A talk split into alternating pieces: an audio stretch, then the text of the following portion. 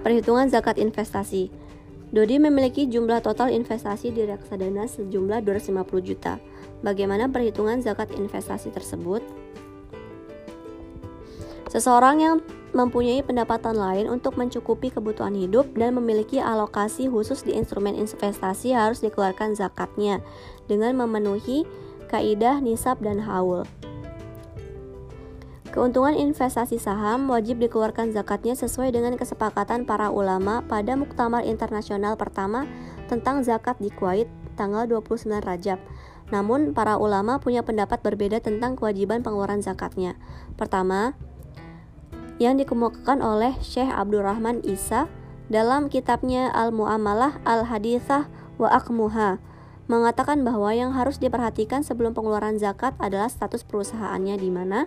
Yang pertama, jika perusahaan tersebut hanya bergerak di bidang layanan jasa, misalnya biro perjalanan, biro iklan, perusahaan jasa angkutan, darat, laut, udara, perusahaan hotel, maka sahamnya tidak wajib dizakati. Hal ini dikarenakan saham-saham itu terletak pada alat-alat, perlengkapan, gedung-gedung, sarana, dan prasarana lainnya.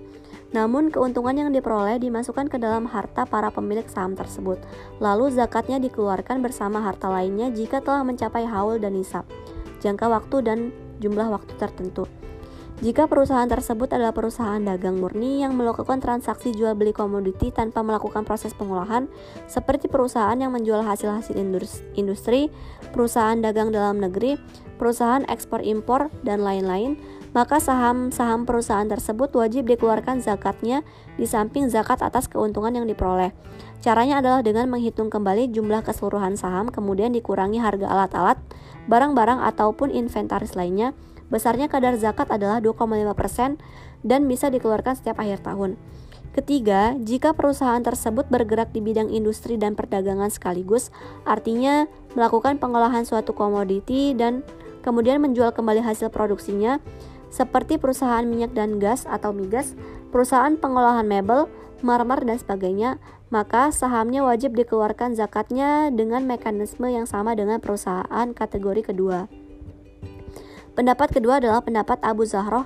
Menurutnya, sifat saham wajib dizakatkan tanpa melihat status perusahaannya karena saham adalah harta yang beredar dan dapat diperjualbelikan dan pemiliknya mendapatkan keuntungan dari hasil penjualan tersebut. Ini termasuk kategori komoditi perdagangan dengan besaran zakat 2,5% dari harga pasarnya.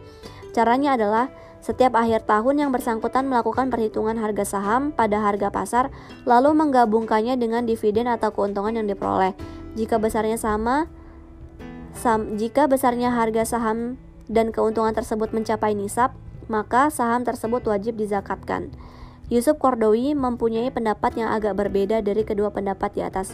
Beliau mengatakan, jika saham perusahaan berupa barang atau alat mesin seperti mesin produksi, gedung, alat transportasi, dan lain-lain, maka saham perusahaan tersebut tidak dikenai zakat.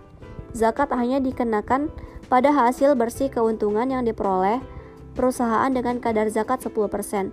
Hukum ini juga berlaku untuk aset perusahaan yang dimiliki oleh individu atau perorangan lainnya. Lain halnya kalau sampai perusahaan berupa komoditi yang diperdagangkan tercatat dalam bursa saham. Zakat yang dikenakan pada saham dan keuntungannya sekaligus karena dianalogikan sebagai urtujah tijaroh komoditi perdagangan besar zakat besar kadar zakatnya adalah 2,5%. Nah, dalam hal ini dalam kasus Dodi, cara untuk menghitungnya adalah dengan menjumlahkan seluruh aset investasi yang dimiliki, juga deposito emas reksadana atau atau saham. Jika seluruh aset ini melebihi batas nisab, maka kewajiban zakatnya adalah 2,5% dari total aset total investasi tersebut. Maka akan diperoleh 2,5 per 100 dikali 250 juta. Maka zakat yang harus dikeluarkan Dodi adalah 6.250 total akumulasinya. Wallahu a'lam bishawab.